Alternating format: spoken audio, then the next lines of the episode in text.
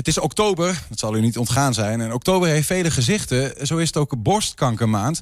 Wat veel mensen niet weten is dat borstkankerpatiënten tijdens en na hun um, ziekte- en behandelingstraject vaak nog uh, heel vermoeid zijn. En dat duurt soms nog vele jaren voort. Nou, een nieuw onderzoek van Universiteit Twente, onder meer, moet ervoor zorgen dat die vermoeidheid vermindert. Of misschien wel zelfs de wereld uit wordt geholpen. En ik ga erover praten met uh, de coördinator van het onderzoeksproject. Dat is uh, Annemieke Witteveen. En met een van de onderzoekers, Lian Beenhakker. Goedemiddag, beiden. Dankjewel. Annemieke, um, vermoeidheid bij en na borstkanker, is dat een groot probleem? Kun je daar iets over uh, duiden? Ja, zeker. Het is het uh, meest gerapporteerde probleem eigenlijk. Uh, uh, niet alleen naar borstkanker, maar kanker in het algemeen. heel veel patiënten hebben daar last van. En het is niet de vermoeidheid die jij en ik hebben. Hè. We slapen een nacht en dan gaat het de volgende dag weer beter. Het is echt een blijvende vermoeidheid... die mensen gewoon ontzettend kan beperken in hun, hun dagelijks functioneren. En als mensen zelfs tot tien jaar na hun borstkanker... gewoon nog ernstig vermoeid zijn... Dat is bijvoorbeeld zo'n 20 procent je kunt je voorstellen, het heeft een enorme impact op je leven. Uh, ja. ja, ja, ongelooflijk. 20% na 10 jaar nog steeds. Ernstig vermoeid, ja. Dus er zijn wel meer die dan uh, nog steeds een vorm van vermoeidheid hebben, maar 20% is dan nog ernstig vermoeid. Ja.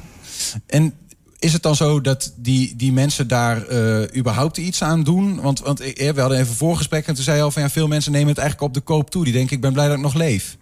Ja, dat is het, uh, het lastige met de behandeling van die kankergerelateerde vermoeidheid. Um, ja, het is niet, niet het eerste waar mensen uh, mee naar voren komen. Terwijl het wel uh, iets is waar heel veel mensen last van hebben. Dus het is eigenlijk ondergerapporteerd door de patiënten zelf. En het is ook niet per se het eerste waar uh, de artsen naar vragen. Terwijl er wel wat aan gedoen, gedaan kan worden, mogelijk. Ja. Dus daarom is het wel belangrijk dat mensen dit ook weten. Gebeurt het überhaupt al? Zijn er behandeltrajecten voor die vermoeidheid?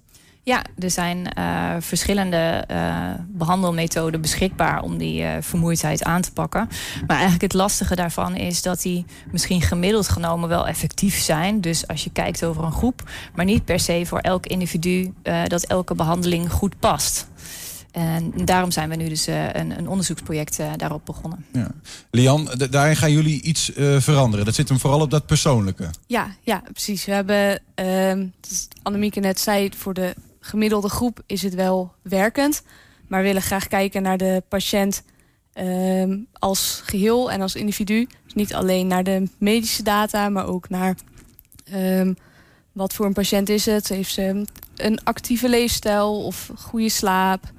Um, is de vermoeidheid uh, meer mentaal of meer uh, fysieke vermoeidheid? En om uh, daar dan specifiek op de behandeling te focussen. Ja, dus zowel de, de, de, de klacht, zeg maar, als de persoon en zijn ja, hele hebben en houden, wat hij doet en hoe hij in elkaar zit, wordt meegenomen ja. in dat onderzoek. Ja. En ook... lijkt mij bijzonder lastig. Dat je, zeg maar, want ja, ik denk dat een gepersonaliseerd uh, is ook duur vaak. Want dan moet je iemand helemaal tot in de bodem uitzoeken. Hoe, hoe, hoe, hoe lossen jullie dat op? Um, we zijn nu, um, vooral een collega van mij, Kim, is heel erg bezig met uh, wat vinden patiënten, wat vinden zorgprofessionals uh, belangrijk om daarin mee te nemen. En uiteindelijk is het idee om met uh, vragenlijsten en bijvoorbeeld wearables wat meer inzicht in de patiënt te krijgen. Sorry, wat voor dingen? Wearables? Wearables. wearables bijvoorbeeld een, een Fitbit die stappen meet. Oh ja, een soort horloge of ja, een zuignap op je lichaam die iets meet of zo. Of iets, dan ja. iets praktischer. Ja, de, de Fitbit is wat praktischer dan een hele zuignap. Ja, ja, ja. ja. Oké, dus ik, ik, ik ben een uh, uh, patiënt en ik krijg een vragenlijst. En dan ja. krijg je een beeld van wie ik ben. En mijn Fitbit geeft nog wat data door, wat gegevens. Ja. En uiteindelijk, wat, wat doe je daar dan mee? Ehm, daarmee gaan we allereerst kijken of je een risico hebt op het ehm, ontwikkelen van de vermoeidheid. Dus daar gaan we modellen voor ontwikkelen. En ehm, voor de patiënten die dan een hoger risico hebben... die willen we specifiek een advies geven voor een behandeling... die past bij de voorkeuren van de patiënt. Dus je krijgt een heel uh, eigen behandeltraject. Ja, een, een advies welke uh, behandelingen Precies. passen. Ja. Dus bijvoorbeeld een uh, behandeling A past 80% bij jou... en behandeling B 70%. En dan uiteindelijk ligt de keuze nog wel bij jouzelf welke van die behandelingen je dan wil volgen. En het idee is dan dat ehm, de behandeling dan, omdat die goed aansluit bij de voorkeuren en bij de patiënt in het geheel, Mhm. dan ehm, een beter eh, de vermoeidheid kan verhelpen of het mee omgaan met de vermoeidheid, eh, waardoor uiteindelijk de kwaliteit van leven van de patiënt ook weer beter wordt.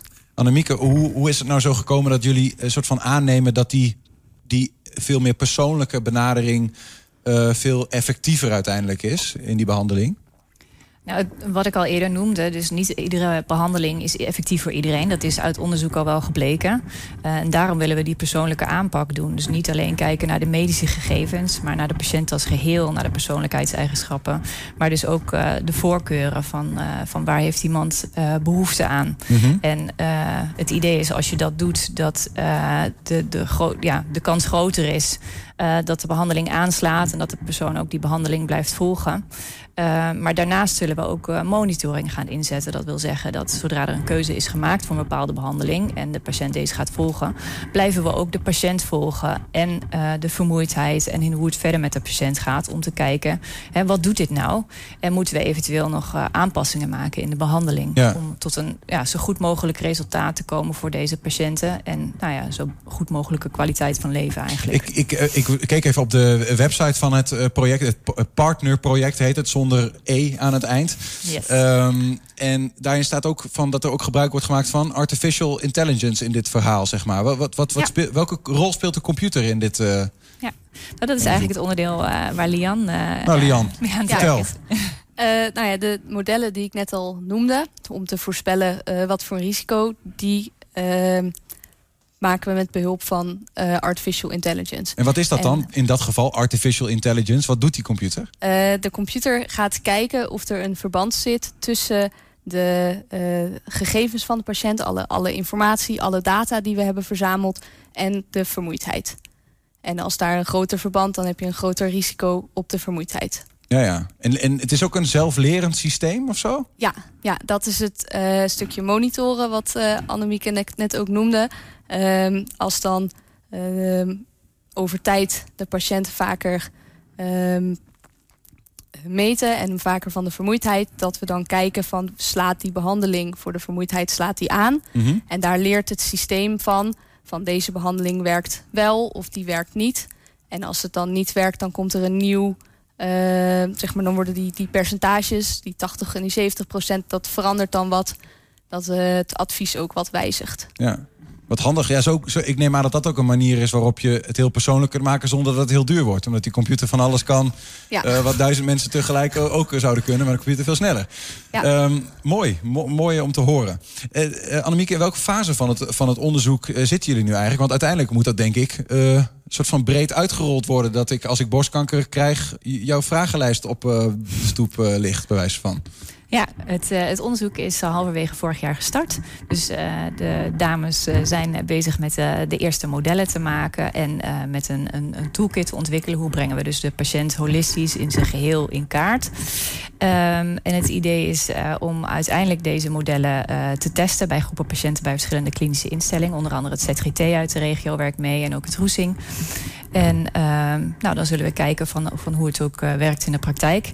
En uiteindelijk zou het mooi zijn om dit eh, eh, in zijn geheel te kunnen implementeren in een persoonlijke gezondheidsomgeving. Dat is eigenlijk een, een soort van medisch dossier wat je als nou ja, patiënt of persoon dan eigenlijk, want na je behandeling ja, ben je dan nog altijd patiënt, die je in eigen beheer hebt, waar je zelf data ook aan toe kan voegen en dus kan gebruiken om te kijken wat het beste bij jou past.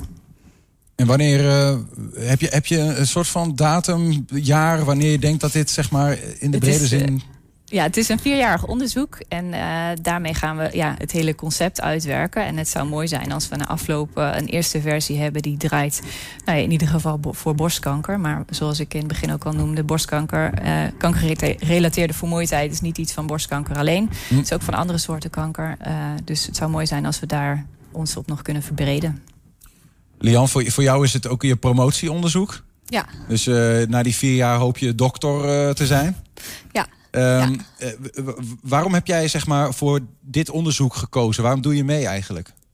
Eh, nou, ik heb een, een achtergrond in biomedische technologie.